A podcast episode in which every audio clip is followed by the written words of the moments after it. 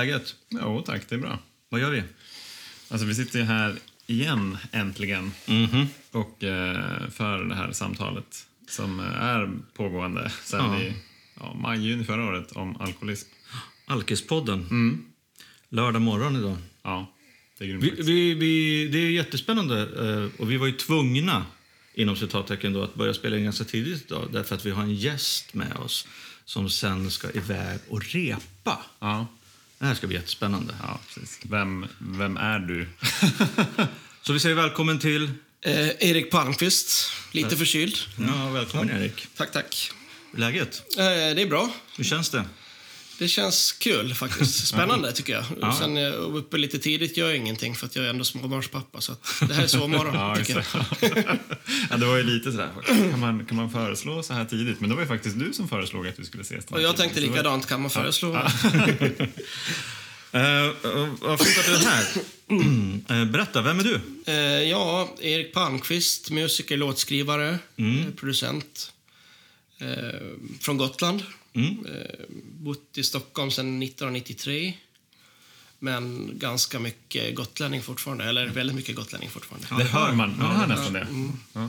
Och jag är 44 år. Ja. Ja, i korthet, jag har en liten dotter eh, som är tre och ett halvt som heter Rut. Mm. Eh, varannan vecka pappa då. Okej. Ja, fint. Ja. Om, man, om man inte känner igen ditt namn, var känner man igen dig ifrån då? Ja, det beror på ålder, men på 90-talet spelade jag ett band som heter Monostar. Ja.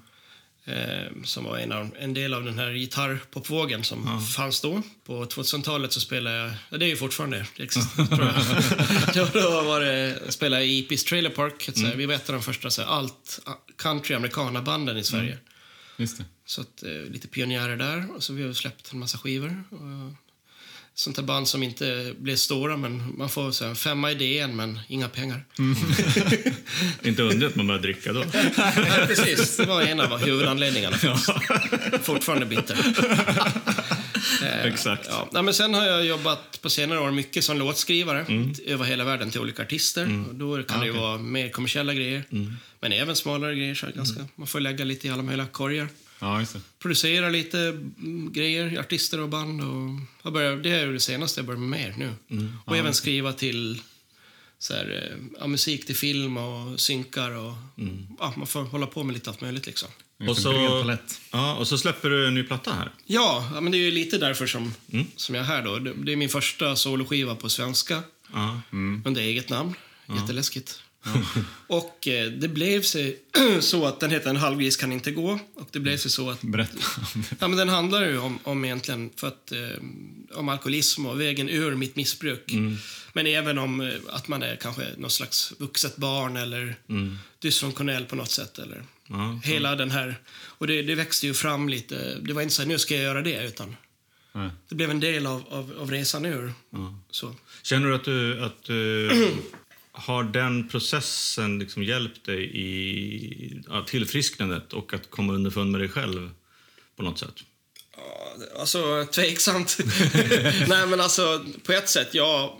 Det var så här undermedveten dogma-grej, tror jag. Ja. Men, men eh, jag skulle säga så att när jag skrev låt, låtarna så drack jag ju fortfarande. Ah, okej. Det är det som är lite Ah, intressant nu, därför att jag var emellan, jag såg tunneln till ljuset, den där luckan du pratar om. Eller vi pratade om innan, vi började, precis innan man slutar. Det var då jag skrev låtarna. Ah, så det är ganska intressant hur jag ser på min egen alkoholism då Ja. och vad jag önskar. Ah, I okej. vissa låtar önskar jag ju att jag får fortsätta dricka. Ah, och vissa hatar jag mig själv, vissa ser en tunnel med ett ljus och liksom, fan vad spännande. eller så. Men sen är det ju popmusik och poesi, så det, ibland kanske man får ju, kan tolka det, man kan tolka det om något annat. Det kan vara en kärlekshistoria om du vill att det ska vara det, så är det väl det för dig. Ja. Spännande. Men det, här är, men det här är jättespännande. Om vi, om vi backar bandet då, Japp. så, så långt bak du känner att du vill för att, Mm. för att förklara liksom vart, vart storyn började egentligen. Det där har man ju funderat mycket på, tycker jag. Eh, Jag är ensam barn. Ja. Väldigt ganska... Alltså, det som känns som en, en riktigt fin tid när jag var liten. Så här, men också ganska överbeskyddad och omhuldad. Liten bubbla liksom av... Känner inte till så mycket om den här eh, eh, världen utanför. Som, att man kunde... att folk kunde vara elaka eller så. Det fanns liksom inte riktigt. Nej, okej. Så jag hade- upp på Gotland? Ja, så jag hade liksom inget, inget skydd. Jag, jag liksom skaffade mig inget skydd. Det tog ganska lång tid. Så. Eh, och sen så krackelerade hela den där världen för att de skilde sig och i en ganska känslig ålder när jag var 11. Ja. Just det. Och då var jag skilsmässa, i alla fall på Gotland, väldigt skamfyllt misslyckande. Ja. I vår familj var det det i alla fall. Ja. Det var mycket skuld och skam. Och mamma hon började dricka. Okej. Och vi har ju den beroendesjukdomen i släkten. Ja. Och pappa var spelmissbrukare då. Så att eh, det var ju liksom, jag hade ju klockren väg att gå sen.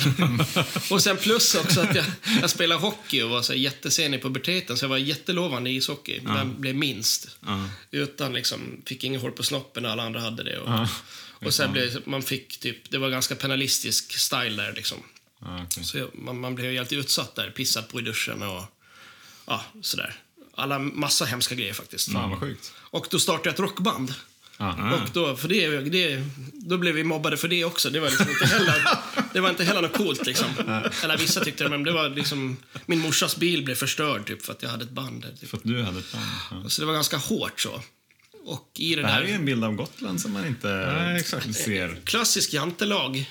För vår tid, tror jag. I en småstad egentligen. Ja, just.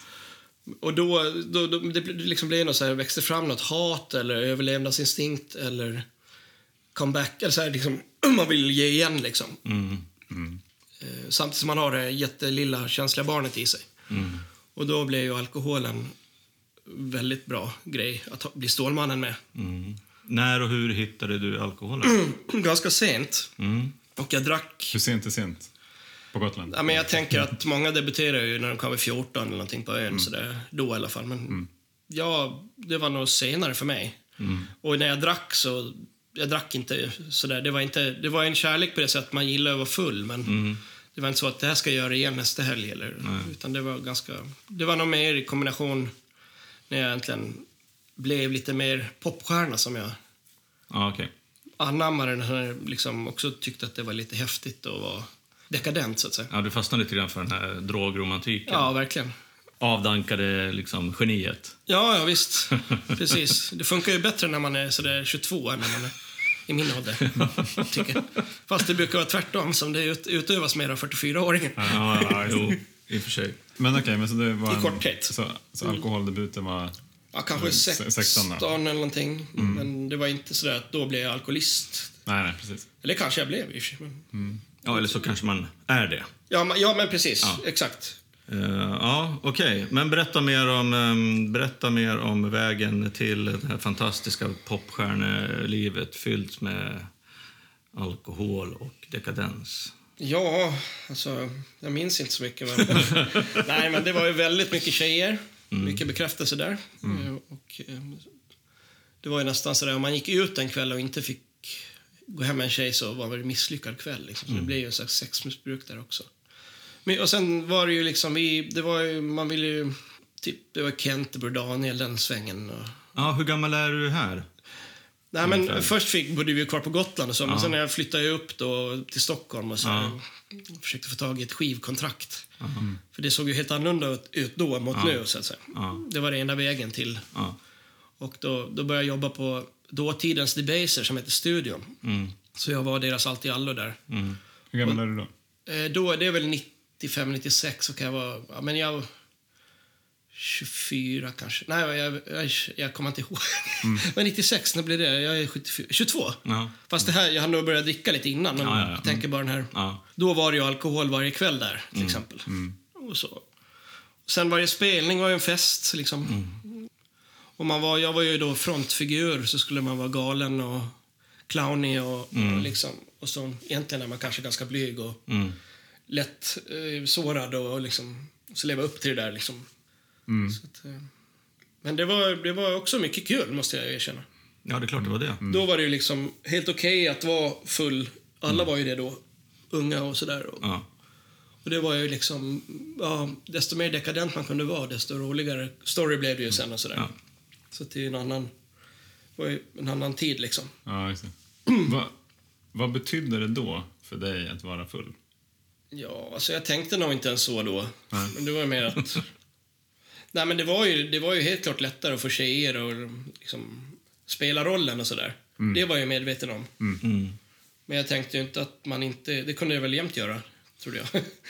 Ja, precis. Alltså att, också att jag kunde fortsätta dricka Ja, utan ja. sådana Ja, konsekvenser liksom, som sen skulle komma. Nej, precis. Men för det, därav frågan. Alltså, Det kan ju vara ganska sorglöst och kravlöst. Och så här, ja, vadå? Det är ju det är ju en bra väg till att, att få de här grejerna som jag vill ha. Som bekräftelse. Ja, men Och precis. liksom, jag blir lite modigare. Jag blir, Mycket och så var det ju. Och det behöver ju inte vara kopplat med några, några problem överhuvudtaget. Nej, nej. Ja, men det fanns problem såklart, men jag har ju också så här att jag fick, som jag har ju dåligt ölsinne som man kallar det för.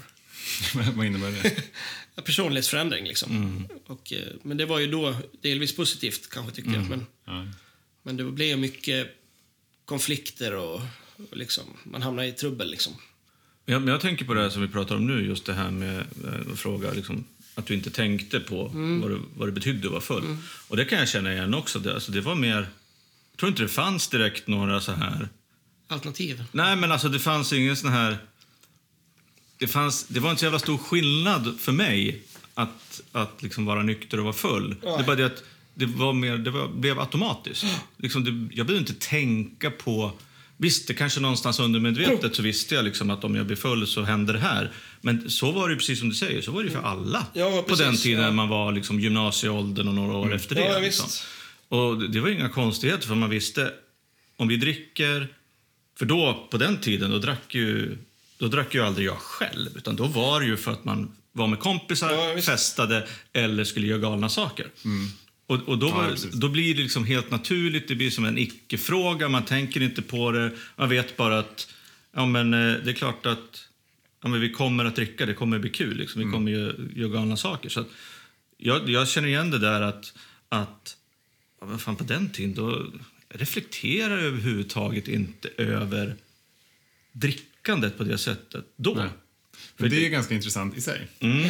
Ja, visst. För, för jag, jag, var ju sna, jag var nog snarare den på gymnasiet till exempel som var den som satt lite, lite i baksätet och tyckte att mina kompisar var lite vilda. Ja, samma här.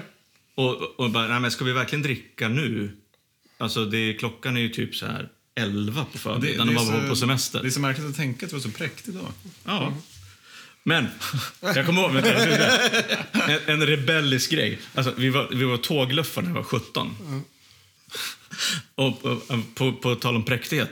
Jag hade, på den här tiden, ungdomar, så fanns det någonting som heter noteringshäfte. Okej. Som man hade för att föra ner sina utgifter och intäkter Just det, just på. det. Ett litet sånt där, som ett checkblock ungefär. Just det. Som en liten kassabok. Ja, precis. Och, och jag hade med mig det på tågluffen Okej. och förde ner alla mina utgifter för jag ville hålla någon typ av budget.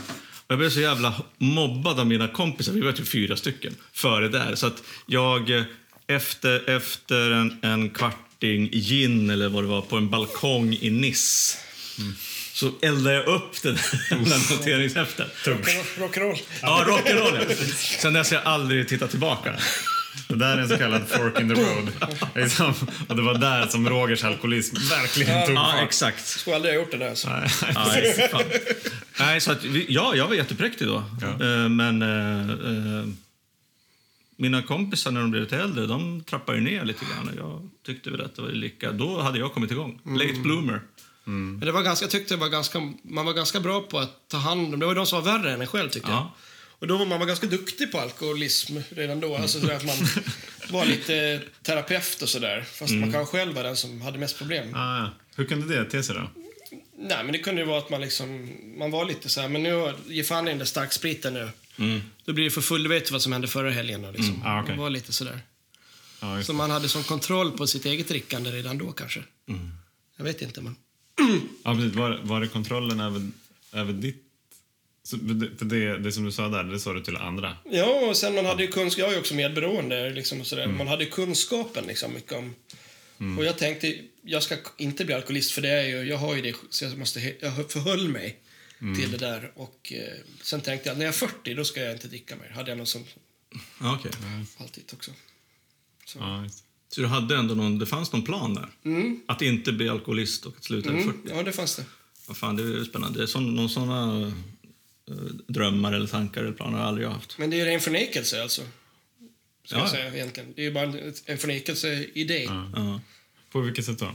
därför att då kan jag ju fortsätta dricka tills jag blir 40. När jag är 20 så långt dit. Ja, just det. Ja. Och likadant eh, att jag ska inte bli då bara säga okej men eh, nu är min mamma hon var ju alkoholist då, mm. nykter alkoholist nu. Men då, då typ så här, ja, men jag dricker, köper mellanöl liksom. Ja. Så, här. Så jag gör inte som morsan liksom. Man liksom, Ja, men du hade ändå någon, någon, någon eh, liksom bild och idé om att, att det kunde vara farligt. ja, antagligen. Ja, det är lite spännande. Men jag är smartare, tänkte jag också. Ja, Jag ska inte hamna i den fällan. Nej, just det. Hade du, Förnekelse. Ja. några, hade du några andra strategier för att inte bli alkoholist? Du nämnde att du köpte mellanöl till exempel. Ja, det var massor alltså. Mm. Men jag har aldrig varit en sån där som dricker varje dag. Utan det var mer, jag valde i mina tillfällen när det var svårt att sluta. Liksom. Mm. Eller man drack ju i och för sig varje dag fram till 30, men efter det...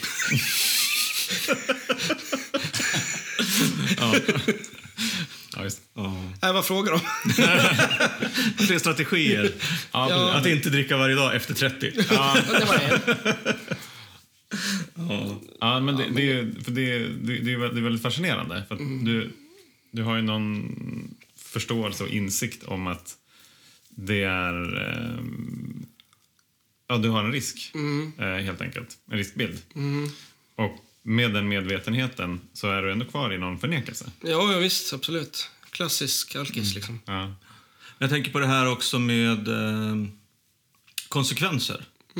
Jag har ju både liksom brutit armar och ben och, och, och eh, hållit på med skadegörelse och allt möjligt när jag var ung och tänkte att det var också normalt. Men känner, kan du säga i efterhand se att, det, att, det, att du fick konsekvenser som kanske skulle kunna ha fått dig att sluta mycket, mycket tidigare än du gjorde?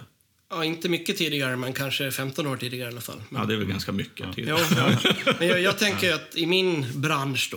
Ja. så jag min, om man tar ett exempel, en sån där, då, då hade vi en spelning på Gotland. Och där var jag liksom rockstjärna då. och så liksom, då hade de precis öppnat McDonalds där. Okej. Ja, då går jag in där och ställer mig på ett bord, typ som Jim Morrison, liksom, och börjar röka där inne. Det var ju rökförbud. Och, så. och så står ju alla runt, så blir jag ju utslängd. Och liksom, det blir jag ju... Det, det är ju inget coolt, liksom. Kanske. Men, men det blir ju jag uppmuntrad. Det var ju coolt, tyckte de. Så att man, man fick ju ingen som drog... Man fick bli uppmuntrad att vara galen, så att säga. Ja, man skulle vara rebell. Ja. Man hade den Ja, och då positionen som du hade. Precis. Så det uppmuntrar ju till fortsatt galenskap, så att säga. Ja. Men en, en intressant, det var ju när jag... Det gick ju sämre och sämre också, min karriär, får jag säga. Ja. Och det var ju väldigt relaterat till att folk inte orkade vara med mig för att jag drack hela tiden. Ja. Hur mådde du under den här tiden? Det var ju mycket självmedicinering, alltså. Ja. Det var det. Jag utvecklade social fobi och, Okej, och sådär. vad innebär det? Väldigt kraftig social fobi. Ja, men det är ju, jag trodde att jag hade det, men det satt ju väldigt mycket ihop med alkoholismen. Ja. Men, eh, Vad, men vad, fick du, vad hade du för tankar? Vad var det som låg och gnagde i huvudet på dig på, på de här kvällarna när du inte drack? ja, men det var ju mycket skam och skuld och sådär. Och sen, sen också utanförskap odlar man ju ännu mer. Mm. Vad var det du kände skam och skuld? Ja, men jag tror nästan kommit med, med mjölken, bebis, vad heter det? Bröstmjölken. Ja, okej. Det är mycket sånt har jag växt upp med. Mycket skuldbeläggande och skam och hemlighetsmakerier. Och, Ja, okej. Men hur såg, eh, hur såg vägen ut sen då? Ner till den här klassiska botten? det känns som att jag har haft så många bottnar. Ja.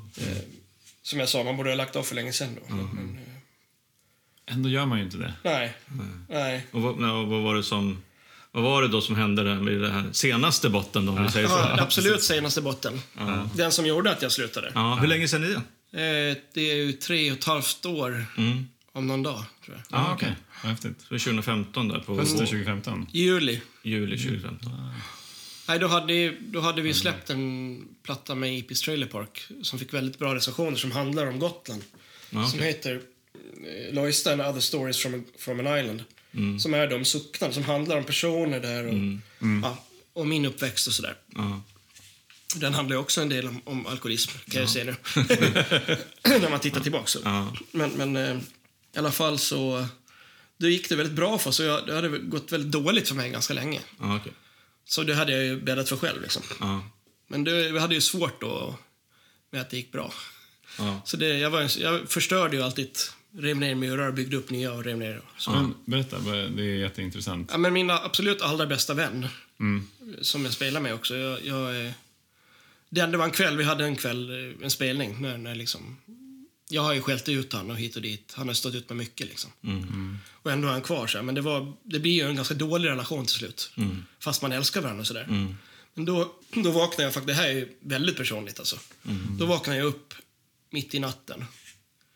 Jag, jag tror att jag sover, men jag, jag, jag är vaken då. Och sen går jag in till han och typ här, tar strypgrepp på han. Och, och, och bara nitar han liksom så här. Du är din jävel liksom. Och jag tror att jag drömmer här. Mm. Men det gjorde jag inte.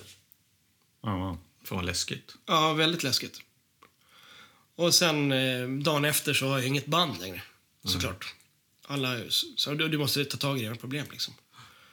Och då är det, jag tycker jag ett väldigt bra liv då. Och jag har ju väl, jag har slutat, jag dricker inte så mycket längre tycker jag så här. Det går en månad, sen tar man en bender istället och så. Ja. Man håller på. Och jag har träffat en alkoholterapeut och sådär. Och börjar liksom, ja, jag ska inte dricka och bla bla bla. Och inte när jag, bara när jag spelar fick jag dricka då. Mm. Visst. Ja. Och, och i alla fall så, eh, så ja, då har jag en månad kvar tills jag blir pappa också. ja, just det. Jag satt precis och tänkte på det. Att, Försökte pussla ihop det. Så att det blir ju en jävla käftsmäll alltså. ja. För musiken är ju ändå ens identitet så mycket. Och, och de var mina bästa vänner. Ja. Och sen liksom glädjen i att få barn Ja. som bara blir helt jävla ångest i det här. Hur Tänkte du någon, någonting då på liksom just det här att kunna vara pappa också? Ja, I, I det här med alkohol, alkoholmissbruket? Men det, det ingår i den där planen med 40 också. Som, som att jag skulle sluta. ja, du hade precis fyllt 40 då också då? Om det, Ja, eller skulle det fylla? var 40, 41, 42. Ja, okej. Sen några år till fick jag hålla på. Nej, men så att, ja. Och då har det inte så att det där, det där, sådana där grejer har ju hänt för, alltså typ kanske inte så, men man har gjort saker. Nej, men precis. Ja. Det var, vi pratade om Ja. det lite grann före här också. Att just hur fan, vad är det för skillnad på den här botten som Ja. faktiskt får en att sluta dricka och alla andra bottnar? Ja. Misshandlar och fyllekörningar och hit och dit. Och, Alltså en vanlig vettig människa, om man är full och sen kastar man en flaska mot någon, då kan man inte dricka mer sen. Men det, är ju- det gör inte vi. Nej, precis. Nej, det räcker Eller- inte nej. för att stoppa. Nej, nej. Nej. Nej, men då i alla fall så, så slutade jag. Det var ju bara vinna eller försvinna, kände jag. Sådär. Och väldigt klar. Och det var inte så kul att dricka egentligen heller. Vet du, Va, va, vad innebar vinna eller försvinna då? Nej, men det var ju, där var ju verkligen...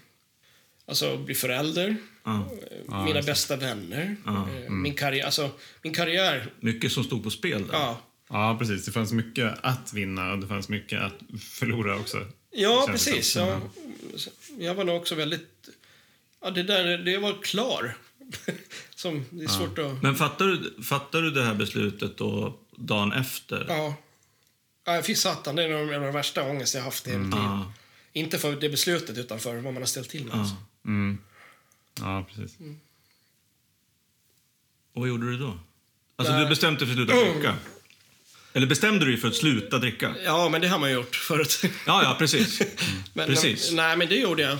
Men då var ju, det, först gick jag ju bara på, man, bara på, på sån här vilja. Liksom. Ja. Sån. Men sen kom ju då min dotter och då bodde vi, vi valde att bo på Gotland då, i, i mitt sommarhus på landet. Så här bebisbubbla. Mm. Så det gick också ganska bra. Nu, tre månader Och där. då hade du någon att bry dig om och hjälpa liksom. Precis. Och ta hand om. Ja. Nej, men, det, är, det är ett bra recept för oss alkoholister att, att lägga energi på ja, någon annan ja, människa. visst. Ja, det, det har du rätt i. Än oss själva, ja. Ja. Nej, men då sen så, eh, så hade jag en spelning. Ja, jag fick erbjuda mig en spelning på Gotland, i Visby, ett bibliotek där. Mm. På någon kulturdag eller vad var. Och då tackade jag ja. Och min akilles hel trigger liksom för att det var att spela live. Ja, Det är absolut farligaste jag kan göra. ja, Alltså jag hade ju utvecklat sån, sån skräck för att stå på scen och ja, okej. prata med folk så att det fanns, du skulle hellre ta livet av mig. typ. Ja. Så då tackade jag ja till det. Och sen övade jag som fan och jag satt upp... Men du tackade ja med vetskapen om att det här var något skitläskigt Ja. som du kanske inte ens skulle kunna klara av att göra? Ja. Och du, du tänkte när du tackade ja att du skulle fixa det här Ja. utan att dricka också? Absolut. Ja, fan vad spännande. Så började jag liksom KBT mig själv typ med det där. Och sen dagen innan, eller samma kväll, eller samma dag då när jag skulle spela. Det finns ett berg där ute på som heter Högklint i Visby där man, de flesta människor hoppar och tar livet av sig och sådär. Då satt jag där så här, och bara, så här mediterade och skakade samtidigt. Så, här, jag ska, så, så satt jag med bilen utanför biblioteket med, med freestyle så här. Och sen gick jag med freestyle med musik rakt upp på scenen och började spela. Själv. Jag gjorde själv också, helt själv. Ja. Inget band, det är ännu läskigare. Ja, just det. Så jag kastade mig från klippan. Ja. Och det gick ju skitbra. Ja, okej. Och då var det... Då var det spöket försvann lite. Ja, men det, är- det är lite grann som, som... Vi har pratat mycket om den här galenskapen när man, när man dricker. Att man liksom går över en gräns och sen så, så går man bara till nästa gräns. Ja. Alltså, jag ska aldrig köra rattfull. Nej. Så gör man det en gång, då har man gjort det. Då kan man lika gärna fortsätta. Ja, precis. Och det kan ju vara likadant liksom, när man går emot sina hållet. rädslor. Mm. Går åt andra hållet, precis som du säger. Ja, men nu har jag gjort det här och jag lever fortfarande. Ja. Då försvinner liksom så här, stenar från axlarna och man, man Mm. inser att Ja, visst. det kanske finns en framtid. Just det här ljuset i tunneln som du pratar Ja. om. Men sen jag är ju nu, jag tycker det är jobbigt nu också när jag ska spela, men inte så jobbigt. Nej, Men det är precis. Nej, det, får, det- får vara så. Du vet i alla fall att du har klarat av det. Ja, plus att det, är okej att vara nervös. Det är okej Ja, ja, att vara ja. Erik, liksom. jag behöver exakt. inte vara den här Stålmannen längre. Vad heter det? Jag kan bli så nyfiken på... Hade du försökt att sluta dricka tidigare? Ja, men det hade jag väl. Men mycket så längre vita perioder kanske snarare. Ja, just det. Men den våren där innan hade jag också slutat. Då hade jag prövat någonting när man, när man kan, det är något piller man kan få så man tappar liksom suget när man dricker. Ja, just det. Okej. Mm. Har jag hört talas om. Ja, det var någon på min behandling som fick det när jag gick på behandling. Alltså inte antabus utan Nej, precis. Det heter något annat. Jag kommer, ihåg, jag kommer inte ihåg vad det heter. det är liksom själva kicken av alkoholen Ja. ska försvinna Ja. Ja, okej. efter några öl. Så här. Mm. Men så jag hade prövat lite sådär och, och lovat min dåvarande sambo liksom att ta tag i det där. Liksom. Ja. Och det, det var villig jag att göra också. Så. Men, men i alla fall då, i, vid den, efter den spelningen tänkte jag, jag har ju beroendesjukdom i släkten och så vidare. Jag, jag gräver hela vägen, jag går till... Eh, jag, jag söker vård, alltså behandling. Mm. Tänkte jag, jag klarar ju att sluta dricka själv, men jag ville liksom... Ja, men jätte... Gräva en, hela en, grejen. en, vi stannar där lite. Mm. Du, du liksom var ju ändå medveten om att du hade beroendesjukdom Mm. i släkten. Och du sa tidigare att du hade bestämt dig för tidigare att du var bättre än alla andra. Liksom, att du skulle fixa det där själv. Alltså att du inte skulle bli alkoholist. Ja, ja, ja eller Alltså när du var alla yngre. Ja, ja, men när du var yngre. Att, nej, men du var, att du var annorlunda, att du var smartare, att du kunde vinna över det där. Ja, det vet jag fan. Ja, men, alltså, Jag tänkte då att jag skulle dö tidigt kanske. Ja, istället. kanske det. Det var coolt. Men när, när, du, när du väl, när du väl liksom bestämde dig för att göra det här med behandling och Mm. just i förhållande till beroendesjukdomen och kanske din mamma och din pappa och så där. Hur, hur tänkte du då? Tänkte du att ja, men fan vad skönt att eh, nu vet jag vad det är eftersom jag har det här i släkten? Eller tänkte du, tänkte du så här, fan, skam och skuld igen? För Jaha. att du... Nej, då var jag nog ganska... Då var jag redan så här, stolt alkoholist. Eller Ja, ja. nykter alkoholist. redan. Så jag kände... Ja. Jag kände alltså, det fanns ju massa skam såklart, men, men det, var ett, det var inte ett jobbigt beslut. Nej. Jag gick in liksom med som om man... Om man älskar att läsa böcker ska man få lä- läsa litteraturhistoria. Liksom. Ja. Nu jävlar. Ja. Jag ska göra det här så jävla bra som möjligt och jag ska liksom vara mönsterelev och göra allt som är svårt. Och, Då, då åkte du på behandling? Mm, ja, jag gick alla i Stockholm då. då. Ja. En månad var det. Mm. Var jätte, jättebra. behandling. Var det sån här öppenvård eller var du på internat? Nej, det var, det var öppenvård. Ja. Ja. Men det var de, den riktade sig till folk som kanske inte var helt... Man skulle haft lite motivation själv och sådär. En viss typ av målgrupp. Men den var fantastisk faktiskt. Som, och nu är den nu nedlagd då, tyvärr. Vad var det du lärde dig då? Jag lärde mig väl...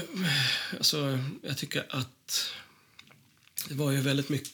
Alltså det är ju med, jag tror mitt största problem är egentligen skam och skuld. Väldigt mycket vuxenbarn, väldigt mycket medberoende. Självhat och sådär. Vad, vad innebär vuxenbarn? Ja, men det är väl egentligen att man kanske... Alltså om man har ett litet barn inom sig som inte har blivit rätt behandlad så går man och skyddar det Ja. liksom, så, mot allting Ja, hela det. tiden. Man är ju jättesårbar hela tiden. Mm. Får bygga upp en pansar liksom. Ja, just det. Det är, väldigt, det är spännande faktiskt. Alltså det är många vi har pratat med både som är, som är här då i podden, som, både som anhöriga, medberoende men också nyktra eh, alkoholister och missbrukare som, som vittnar om just de här delarna, både vuxet barn och medberoende, som en del i, i den, hela den här liksom bilden av Ja, fucked upness Precis. som man är som människa. Liksom. Ja, och ö, vad, vad, vad, vad fick du för verktyg på behandlingen då? Nej, men det var ju... jag tyckte det var väldigt mycket... Delvis är man ju fler som Mm. blir speglad hela tiden. Och så. Hur många är det? I det här fallet var det åtta. Okej. Och sen till, var det tre behandlare, så det var väldigt lyxigt. Ja. Just det. Eh, varav kanske två föll bort sen också i och för sig. På grund av återfall och sådär. Men, men, eh, alltså under behandlingen. men det var- Behandlarna eller deltagarna? Nej, alltså behandlarna alltså. Nej, men det, ja, alltså det var väl att jag fick, tyckte jag fick verktyg för att, att vara okej med att ha dålig självkänsla, till exempel. Det tror jag var en väldigt viktig grej. Intressant. Mm. Ja, Berätta lite mer. Ja, men det är alltså typ, jag har alltid haft det, men jag tycker att det Ja. har varit skamligt att ha det. Ah, okej. Så, ja, ja. Så Det är liksom, mer det här liksom att acceptera sig själv Ja. kanske, som man är. Ja, precis. det, är, det är extremt intressant det där. Men det, är- det, det blir så snurrigt. Jag har nog gjort samma sak Ja. själv, att jag kan slå på mig själv för att jag har dålig självkänsla. Ja. Här, Jaha, vad bra. Då, liksom, det, det blir ju jättesnurrigt. Ah, okej, så liksom att komma till en acceptans Ja, på riktigt liksom. Ja. Om det är att det inte är någonting skamligt och fult liksom. Mm. Det är okej liksom. Hur gör man det? Det, det kan jag inte ge något så snabbt svar på faktiskt. Men jag jobbade mycket med det då i alla fall och, blev konfronterad av behandlarna hela tiden och, Ja, okej. och Mm. liksom kände att jag ville... Men det är som att sitta här med er liksom. Det är en sån grej som är läskig för många människor kanske. Men då är det okej att, att jag är mig själv. Ska jag försöka vara någon annan med er, då skulle jag... Skulle det vara läskigt. Ja. Det är typ så. Ja, att, det. Ja, att vara okej med att jag är den jag är med er här. Mm, mm. Och sen ingen som knackar, nej men försök att vara något annat nu liksom. Eller, då blir det ju jobbigt att vara människa liksom. Jag, jag tänker så här att för, min, för min del så, så har det handlat väldigt mycket om att faktiskt ja, men träna. Ja, träna, Nöt, ja. Nöta liksom Absolut. de här, såna här tankar och såna situationer och faktiskt... Eh, faktiskt eh, Och misslyckas också. Ja, exakt. Utan att man liksom, nu ska jag supa ett år bara för att jag misslyckades. Ja, just det. hur, hur, hur, hur gör man det? Hur, hur, hur kan man liksom tillåta sig själv att misslyckas? Nej, men det är inte så farligt liksom. Det, gör, det ingår ju att vara människa. Ja. Men inte, vi kan ju tycka att det inte, det får man inte. Eller jag i alla fall. Nej, jag fick inte göra det. Om jag liksom ett socialt eh, möte med någon på stan och sen visar jag mig osäker. Det blev liksom så du stängde in mig ett år. Ja. Liksom, då var jag kass liksom. ja, precis. Ha, har, Du får inte har, leva upp till det. Nej, exakt. Nej, det blir helt jävla orimligt. Ja. Jag menar, då, du du måste vara liksom på helspänn hela tiden för att inte misslyckas. Och när man väl gör det så är fallet så stort. Ja, ja visst. För att liksom pressen är så monumental. Och skydda barnet egentligen är det ju man gör. Det här lilla... Det är inte så konstigt att man vill dricka. Alltså. Nej. Men jag, jag tänker på det här, alltså dels, vi pratar om att eh, acceptera den man är eh, och misslyckas. Men också, jag tänker på det här, vi har ju pratat tidigare om att, att, att identifiera sig själv väldigt mycket eh, med hjälp av prestation. Alltså jag gör bra grejer, då är jag bra. Ja. Jag tänkte fråga, liksom, hur, hur har den här resan för dig varit i nykterhet om man, om man tänker på människan Erik och eh, artisten? Ja. Så fin, vad finns det för kopplingar däremellan? Vi har ju pratat om den här spelningen till exempel Mm. som du gjorde. Nej, men alltså, själva min artistkarriär, jag är nog ganska okej med att... Det, det, jag står inte och faller med den längre. Nej. Så. Nej. Men däremot så presterar jag väldigt mycket fortfarande. Ja. Så att, men jag jobbar extremt mycket mer än vad jag gjorde när jag drack. Ja. Och Spännande. jag får mina kickar genom att liksom göra en jävligt bra låt. Ja. Och det, jag kanske är lite eskapist, eller jag är det, där Ja. fortfarande. Ja, men alltså. det får man väl, herregud. ja, herregud. Om fan, det får man väl vara. Det är varken pest eller kol- kolera liksom. Nej, det, nej, det är nej. faktiskt någonting bra. Ja, exakt. Men, så då får man väl jobba på att man kanske stänger av mobilen och är närvarande med sin dotter istället. Ja. Och det jobbar jag med då. Men jag gillar ju att fly på, in i konsten eller...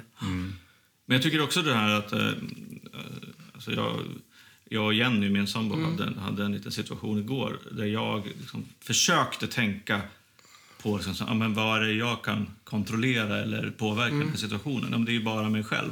Och försökte och försökte tänka på det, men jag lyckades inte. Nej. Men, eh, och sen pratade vi väldigt mycket om det igår kväll också. Liksom, så just där. Men, men också att men det, det, det måste få vara okej att inte lyckas även fast man vet vad man borde göra. För att man, man tränar ju på det ändå, så nästa gång kanske det går bättre. Men det är så fult också, eller kan jag tycka då, att vara egoistisk. Ja. Det är någonting skamligt för mig i alla fall. Ja. Jante och så vidare. Och ändå så är jag ganska egoistisk då. Och självtagen. Och så, jag tänker på det, ibland lyckas man ju inte. Nej. Så här, du är inte liksom centrum... Jo, jag tycker det kanske ändå. Då, men det får väl vara så idag då. Men bara du har koll på det och försöker, då får du väl göra lite, lite arbete igen då. Men man kan inte bara gå, det är likadant, man kan inte vara perfekt liksom. Ja, precis. Att vara snäll mot sig själv där. Ja. Jag, jag, jag brukar liksom tänka på, apropå egoism, så brukar jag tänka, för jag hade, jag hade så himla svårt i början av nykterheten och, fortfarande att, att liksom på riktigt göra saker för mig själv. Att gå på ett möte till exempel, som där Josefina inte följer med. Och ja, är det egoistiskt? Ja, men, nej, men det tycker jag inte att det är. Det är en form av funktionell egoism. Att, att jag tar hand om mig själv. Annars måste ju någon annan jävel göra det. Alltså här, om inte jag tar ansvar för, för mig själv genom att hitta liksom min funktionella egoism så, så kommer jag ju eh, inte att må bra och då behöver några andra ta ansvar för mig. Jag tycker inte ens det är egoistiskt. Alltså, Nej, nej, som precis, jag. nej. Så ser man hur man... Ja, precis. Men det, men det är ju så här liksom att, som man pratar mycket om inom tolvstegsprogram och mm. gemenskap, sätta det viktigaste först. Liksom. Ja, men om det då är om man har en, en relation och barn och familj och vänner och jobb och så där, liksom, vad är det viktigaste för dig? Ja, men alltså, att jag håller mig nykter. För att om jag inte håller mig nykter, då har jag ingenting annat kvar. Nej. Förmodligen. Åtminstone på sikt. Liksom, Ja. så. Så, så det, Ja, den, om man... Ja, det kan ju tyckas, eller det kan ju, det kan ju anses vara liksom egoistiskt för någon som står utanför, men, men det, är också, det, är, ju- det är ju hänsynsfullt. Jo, för att, precis som Johan säger. Ja, här, visst, ta hand om sig in- själv. Ja, ta hand om sig själv, för annars så kan man inte ta hand om några andra. Nej, precis. Men det finns ju någonting där i boken när att man inte är liksom... Ja, du vet, man är en huvudpersonen på en teater och drar i alla andra. Ja, precis. Liksom, Den är ju, jobbar jag mycket med, tycker jag. Hur lyckas du, tycker du? Alltså där, tycker jag, om man ska vara helt ärlig. Men jag, jag i alla fall försöker. Ja, Sen det kan ju vara att jag måste vara som i ett band, då måste jag ju vara så. precis. Min roll är ju sån. Men kanske inte ska vara så annars liksom. Ja. Men jag, förlåt, sen jag bara kom på en grej med medberoende. Ja. Som är så här, då tänker jag så här, nu när vi sitter här, då ska ju alla få prata lika mycket, tänker jag. Alltså sådär. Ja, Sådana grejer. Så du måste ju prata lite mer, tänker jag nu. Ja, Somna jag, tänker aldrig på det. Nej, Jag bara, jag bara pratar. Men det är ju en egoism. Det är ju en, det är ju en alltså, om jag, får, jag får inte förhäva mig. Ja, just Att jag, får inte, jag får prata näst mest, du får prata mest, jag får prata näst mest. Men inte mest. Även fast du är gäst. Ja, men det är, det är så, det är så jante, sitta i liksom. Ja. Ja, just det. Vad spännande. När, när man drack, då fick jag dricka mest. Eller prata mest och dricka mest. Dricka, dricka. Men eh, vi har ju berört lite grann, vi har pratat om eh, möten och eh, boken och eh, det betyder att vi, vi brukar prata här i podden om tolvstegsprogram. Och eh, det, betyder att du hittade till ett tolvstegsprogram då. Ja, precis. Ja. Hur lång tid tog det eh, tills du gjorde det och hur gick det till? Ja, nej, men vi, på, vi påbörjade ju det i behandlingen. Ah, okej. Och gick även på Aha, möten okej. där. Så det ingick. Och sen rekommenderade jag ta nu en sponsor fort som möjligt och liksom ta tag i det här. Och eftersom jag så villig den där perioden så gjorde jag det då. Och, eh, och verkligen hi- hittade en jättebra sponsor också. För där jag var just då. Jag kanske skulle ha valt en annan men... Ja. Eh, och han var också så action. Och, Ah, okej. och väldigt mycket bok. Ja. Vad, vad innebär det att vara väldigt mycket bok? Om man inte känner till. Ja, men inte så mycket egna idéer, utan om man, om man, om man säger någonting så måste det kunna finnas där. Han måste ja, gå, liksom, gå tillbaks dit. Ja. Ganska fyrkantigt, men inte så utsvävande. Utan, Eh, Varför var det viktigt för dig? Nej, men det var ju... Det känns som man... Det, jag tycker att tolvsteg borde ju alla gå istället för kanske lumpen eller någonting. Det är som ett levnadsprogram. Som gör en till en lite, förhoppningsvis en lite bättre människa. Eller någonting att förhålla sig till i livet. ja. Så att för mig har, har jag väl använt den så lite grann. Vad är det du har lärt dig då? Nej, men det är ju... Alltså... Jag tyckte den här gottgörelsen var ju väldigt... Den kan man ju göra dagligen, eller i små doser. Mm. Ja, my- mycket, mycket... Vad innebär gottgörelse? Nej, men att man... Om man har sårat någon så kan man ju liksom gottgöra den personen helt enkelt. Ja, just det. Hade du en lång eh, lista? Ja, det hade jag nog. Och eh, då, för er som lyssnar, lista på personer att gottgöra alltså. Mm. Ehm, Och sen är det ja. inte alla man kan. Nej, exakt. Eller så. Men, Nej, men det där är ju väldigt spännande tycker jag. Eh, jag eh, det som jag tycker är eh, roligt är i och för sig då, och, och spännande, det är ju liksom att som sponsor själv då, mm, att man får, får använda den här boken igen Ja. och faktiskt läsa den med, med nya ögon. Och när vi pratar om boken så är den som kallas för Stora boken i tolvstegsgemenskaper och heter Anonyma alkoholister. Mm. Som också är väldigt rolig. På Ja, sina den, ställen. den, är väldigt, den är väldigt rolig och man kan läsa den på rätt sätt. Ja. Men, men jag tycker så här att precis det du säger, just det att det är ett levnadsprogram och även om jag då har varit nykter i över, över liksom 11 år så, så alltså, dels så hittar jag bekräftelse Mm. på saker och ting som jag ändå har präntat in i mig, men jag hittar också nya grejer. Liksom. Men Det står ju faktiskt så här. ja, just det. Ja. Fan vad spännande. Och eh, det är ju så, vi har ju pratat om, jag och Johan tidigare, liksom att just att leva ett nyktert liv. Och då menar ju vi inte liksom att inte dricka, Nej. utan att faktiskt komma till freds med sig själv. Exakt. Att kunna utveckla sig själv och bli en bättre människa, som du är inne på. Vad tycker du att är den, vad är den största skillnaden på, på dagens Erik och Erik för ja, men, fyra år sedan? Då? Något Ja, halvår, år innan du slutade dricka? Jag tycker nästan att det är en helt annan människa. Alltså. Ja. Eh, Framförallt mycket så här, lättkränkthet som har försvunnit. Mm. Mycket egoism och liksom... Ja, ser liksom bigger picture hela tiden. Ja. Så, eh, mer tillfreds med mig själv liksom. Eh, jag är helt sjukt tacksam. Det, det, man börjar nästan lipa när man Ja, ja, tänker på det liksom. Ja. Vad, vad kan den här större bilden vara? Men jag har ju fått barn också. Jag, jag, le- jag, tänk, jag, alltså jag, jag ser på världen på ett annat sätt också. Det är liksom inte jag mot världen hela tiden. Om du bara hade bara precis. ibland. Exakt. Bara varannan dag. Ja, bara varannan dag. Det, det, är, det är ändå liksom en 50 Ja. reduktion. Ja. Men om du hade kunnat... Eh, om du hade pratat med den här, den här eh, drickande Erik då, och, och, och liksom sagt till honom så här kommer ditt, ditt liv se ut om fyra år. Vad tror du han hade sagt då? Fy fan vad skönt. Hade han trott på det?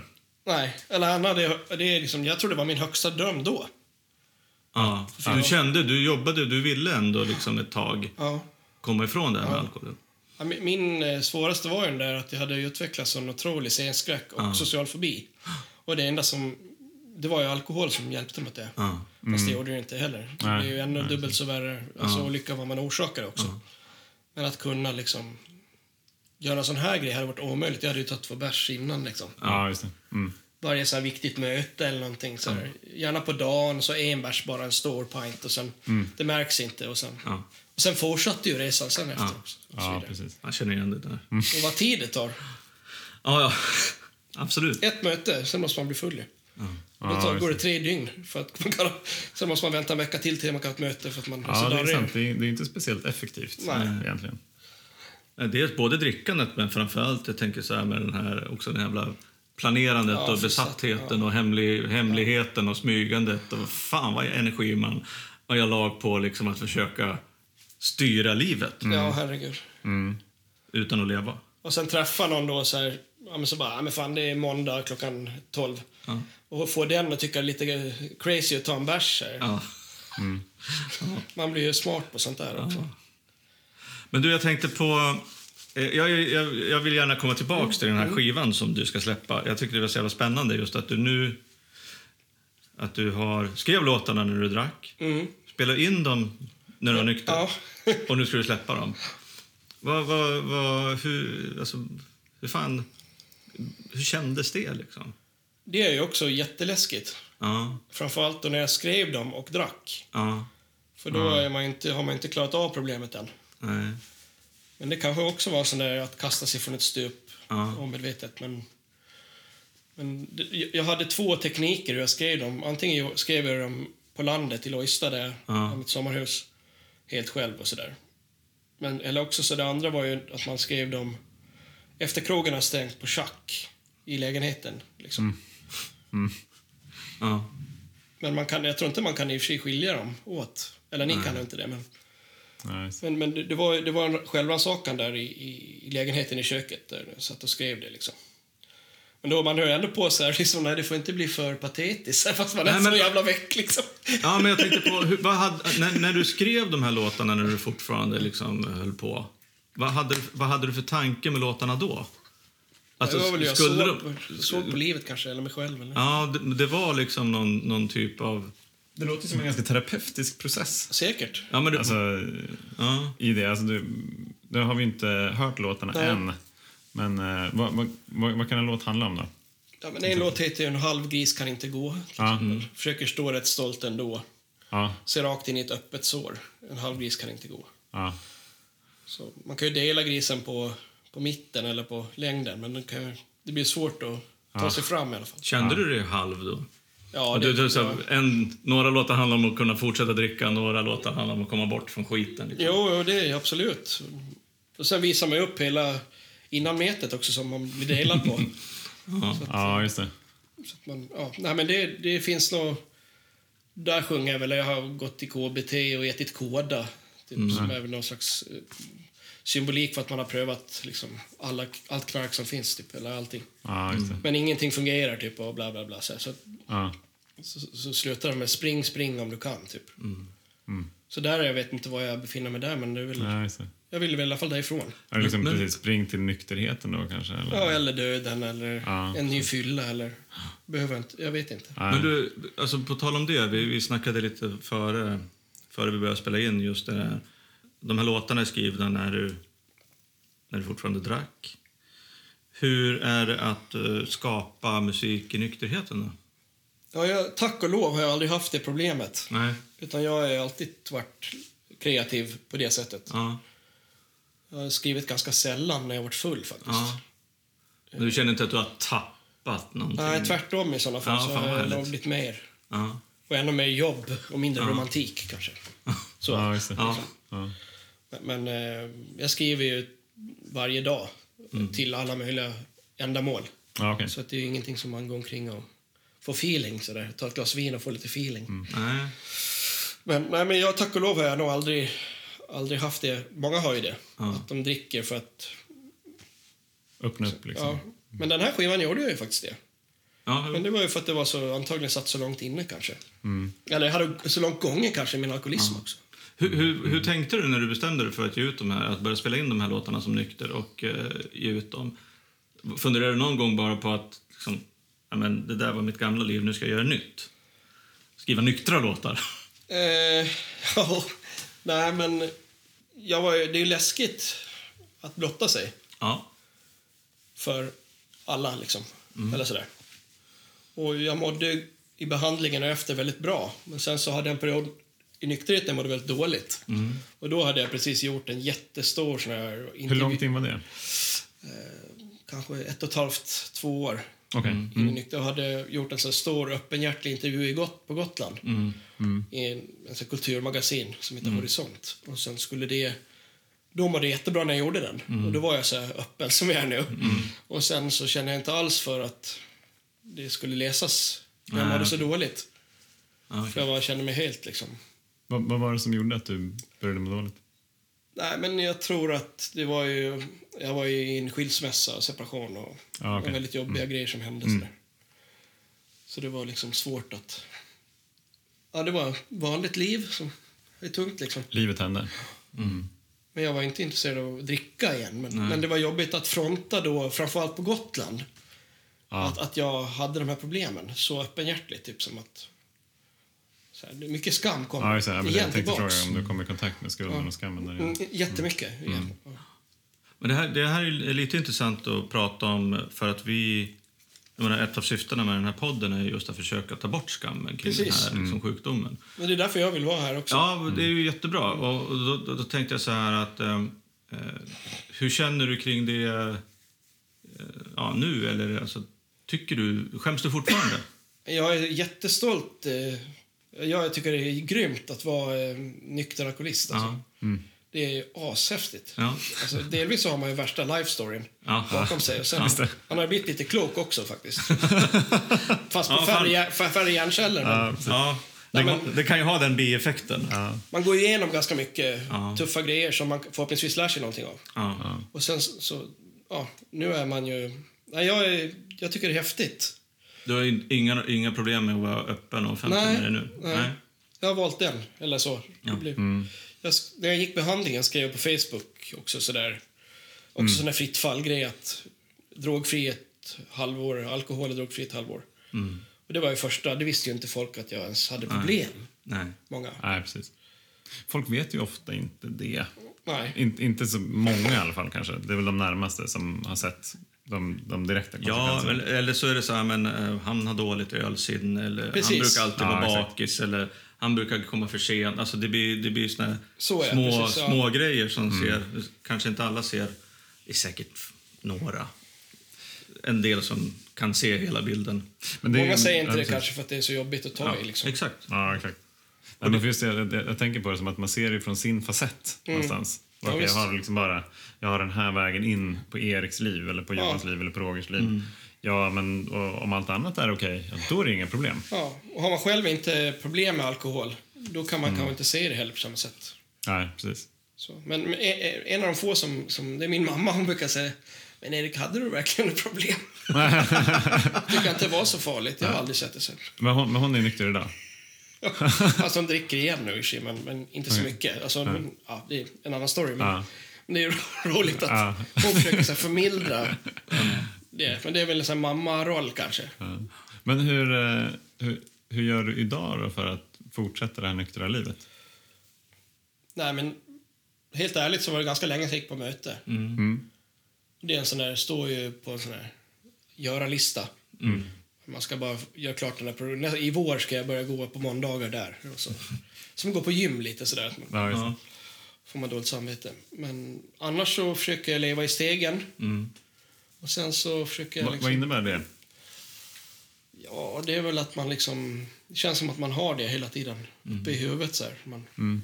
Har du, eh, har du dagliga, några dagliga rutiner som du gör för att liksom komma in i, hålla dig nära programmet? Eh, nej, alltså, faktiskt inte just nu heller. Men det jag har, det är mycket folk som Ja. är i programmet, Ja. som jag umgås med. Ja, Så man pratar ju så här hela tiden. ja det är Och- jätteviktigt. Och varje dag så, man ringer någon och sådär. Och, Men det är ju möten också. Ja, det är ju det. Alltså när, en, an- när en alkoholist möter en annan Jo. alkoholist och delar om hur det är att vara alkoholist. Där uppstår det ju Jo. ett möte. Det gör jag hela tiden, varje dag. Så det är Men jag kan väldigt, inte gå på ett möte då, men, Nej. men de som jag gick med på behandling, eller vi har kontakt och man Ja, just det. stöttar varandra. Den är ju helt eh, sådär eh, censurfri. Ja, just det. är det ju som det är liksom. Men eh, ska, du, ska, du, ska du turnera någonting på skivan eller? Jo, det blir nog lite grann nu i vår. Ja. Sen kan vara mer i höst. Och, vi ska ha lite spelningar inbokade. Har du, har du varit ute och, och turnerat i nykterheten tidigare? Inte turnerat, men man har gjort sen, två, tre spelningar och så på Ja. raken. Men det, det, jag tycker nästan det är enklare att göra fler än att göra en. För Ja, att då okej. kommer man in i en... Ja. Men jag, jag, det, jag tog ju, efter den här spelningen som jag berättade om, Mm. så tog jag ju, vad heter det, Antabus eh, sen, de spelningarna, Ah, det okej. året efter. Ja, okej. Bara för att. Ja, Men det var inga problem. Men Nej. jag tog det när jag skulle göra en spelning. ja det är smart. Men nu gör jag inte det. Men Nej. Nu, alltså alla vet ju att jag, jag släpper en skiva om, om det här så det blir lite svårt att säga. Kan jag få ett... Ja, Men en jävligt nykter rider då. ja, ja precis. Bananyoghurt. Och en Ramlösa med mango, tack. El- tack! Roger har liksom hela säsongen här dissat min Ramlösa mango. Jag tycker den var jättegod. Ja, tack. Man fick den då innan när man kom här. Ja, exakt. Så man ska öppna upp sig lite extra. Men... Eh, ehm, Fan vad härligt det var eh, varit att prata. När, när, när, kommer, när kommer plattan och hur kan, man, hur kan man hitta mer om dig? Om man är Eh, intresserad. Ja, eh, nu, skivan kommer ju första februari då. Första februari? Sen har det kommit fyra singlar som finns på Spotify Ah, Okej. redan nu. Eh, Så den finns, den senaste singeln Idiot, den, den finns ju på massa spellistor sen Ja. på Spotify. Och Ja. Indie Highlights och sådana vad de heter allihop. Eh, och sen eh, kommer jag ju att göra massa spelningar och Mm. Gotland, Stockholm och lite annat. Jag kommer inte ihåg nu allt men... Fan vad roligt, då får ju Alkispodden gå på spelning. Ja. Ja, det måste ni göra. Ja, det måste vi fan göra. Det vore skitkul. Ja, men, ni, är jätte- ja, men jag, jag vet inte när det sänds det här, men... Ja, men vad fan, det är ju första februari på fredag. Jo, spe, eh, release-spelning. Då släpper vi då. Du släpper det på fredag. Eller men- idag. Idag när ni hör detta så släpps alltså skivan. Ja. Och Hurra. releasespelning. Det måste vi fira. Med Ramlösa Mango. Då ska du alltså idag ha en releasespelning. Nej, det, det kommer jag ha. Det var två dagar sedan. Jaha, det var två dagar Den sedan. 30 januari har jag, spelar jag på Glashuset, heter det, Mediatoriet, release-spelning. Ja, spännande. Men det är ju två dagar sedan. Ja, det var två dagar sedan. Två dagar sedan. Ja. Man får Hoppas hålla ni som var där tyckte att det var bra. ja. Ja, men utkik idag kommer min skiva. Ja. Så det får är, hålla utkik efter nya spelningar helt enkelt. ja, absolut. Men fan, nu, nu är det så här, vi, i vårt uh, förra avsnitt så reste vi ju tiden tio år bakåt och tio år framåt. Nu håller vi på att försöka dribbla med dagar här. Ja, precis. Det är ju svårare. Ja, det- skitjobbigt. Är liksom kalenderbingo eller någonting. Ja, precis. Ja. ja, Johan, vad tar du med dig? Vad tar jag med mig från det? Alltså det, det, det, dels att så här, vad, vad viktigt det är med humor, tror jag. Att vi, kan, eh, att vi kan tillåta oss själva att, att vara ärliga och, och se det för vad det är och skratta åt det för vad det är. Eh, jag, jag tror att det är ett av de, en, min viktigaste medicin mot skammen och skulden. Om jag kan liksom lära mig att skratta åt någonting. Inte på ett elakt sätt, utan bara så här... Fan, det där blev rätt jävla tokigt alltså. Hur tänkte jag här egentligen? Eh, så, så har jag mycket lättare att lära mig av det. Tror jag. Och sen så... Jag gillade verkligen, ehm, alltså just där, även fast du inte går på 12-stegsmöten just nu, att du har liksom supportnätverket, känns det ganska nära till hands. Det är jätteviktigt. Eh, personer att, att ringa. Jag menar, vi har ju möten varje gång vi spelar in den här podden. Eh, Ja, så är det. så är det ju ändå. Och det, att det inte behöver vara någon annan som anordnar ett möte, utan jag har den kraften själv. Det enda jag behöver är en annan alkoholist. Som jag kan dela med. Inte aktiv dock. Nej, hel, helst inte aktiv. Eller helst inte. Eller? Nej, en, eh, en nykter, eh, tillfrisknande Mm, ja. alkoholist att, att föredra. Ehm, det kändes väldigt hoppfullt, tycker jag. Det var extremt kul att få höra din, eh, din berättelse. Så här tidigt. Härlig start på, på den här dagen. Jag tänker så här att eh, alltså det, det finns någonting jävligt... Eh, eh, jag blir fascinerad av det, här, det som du har gjort. Att eh, skriva de här låtarna på fyllan, de här halva låtarna, att en del vill bort och blir, kanske få ett bättre liv och den andra bara vill köra rakt in i väggen. Nu har jag inte hört på låtarna, men det ska jag definitivt göra. Och ta med sig det in i nykterheten. Det är två grejer. som är, är Dels att ta med sig det in i nykterheten och liksom bearbeta det på något vis och sen släppa det och stå för det och, och turnera på det. Det tycker jag är jävligt spännande. Men också, jag blir också fascinerad över att du, till skillnad från jag, ändå hade en process där du, som var ett tag i alla fall, innan du slutade dricka, där du någonstans visste eller ville ha ett annat liv. För mig var det inte så. Jag ville ju inte, eller jag fattade inte att jag ville ha ett annat liv när jag, innan jag slutade dricka. Så där är också jävligt olika. Vi, vi har pratat om det. Hur, fan, hur vet man när man slutar? Och det är klart att det är väl inte så... Om man hör dig berätta eh, vad som hände då natten innan du beslutade för att sluta dricka så är det så här, ja det låter ju rimligt men det skulle lika gärna kunna varit det skulle kunna vara så att du inte slutade då. Ja, absolut. För att man, man, man, det, man, kan inte, man kan inte veta när det händer, när det här lilla fönstret öppnas. Liksom. Nej, det går ju liksom aldrig att förutsäga när det ska uppstå. Vad har du för tankar efter att ha haft det här samtalet? Då? Ja? Jag, är lite, jag känner att det var väldigt eh, trevligt faktiskt. Och ni är jäkligt fina. Ja, detsamma. Ja, Detsamma, väldigt verkligen. eh, stimulerande Ja. möte. Alltså möte. alltså, intervju är det ju. Ja. Eller vad det heter. Ja, samtal. Möte. Mö- möte är ganska bra. Ja. Och om, om, om eh, då man vill, eh, förutom Spotify, om man vill veta lite mer om Erik, var hittar man dig eh, ute på den stora online-världen? Men jag finns ju på alla de här sociala medier. Har en Mm. sida på Facebook och på Instagram. Och Mm. Kan man komma och hälsa på om man vill. Kaffe i Kärrtorp. Kaffe i Kärrtorp. Ja, perfekt. Ja, men vad fint. Vi ser till att länka till alla möjliga Ja, men gör ja, det. plattformar då, när vi släpper avsnittet. Absolut. Ja, fan vad skönt. Lycka till idag med, med släppet då, som vi brukar Ja, just det. Ja. Ja, exakt. Stort tack för att jag fick vara med. Det var jättetrevligt alltså. Verkligen. Stort Och tack till själv. er som lyssnar, eh, så om ni har några frågor till oss eller Erik så är det bara att höra av er. Vi har ju numera Alkispoddens frågelåda på Instagram. Och eh, sen finns ju också alkispodden at eh, gmail.com. Precis, vi har ju faktiskt vi har glömt en fråga. Vilka, Ja, vil, vilka tre ackord är mest signifikativa för tillfrisknandet? Det var en jättebra fråga. G-dur tycker jag. Mm.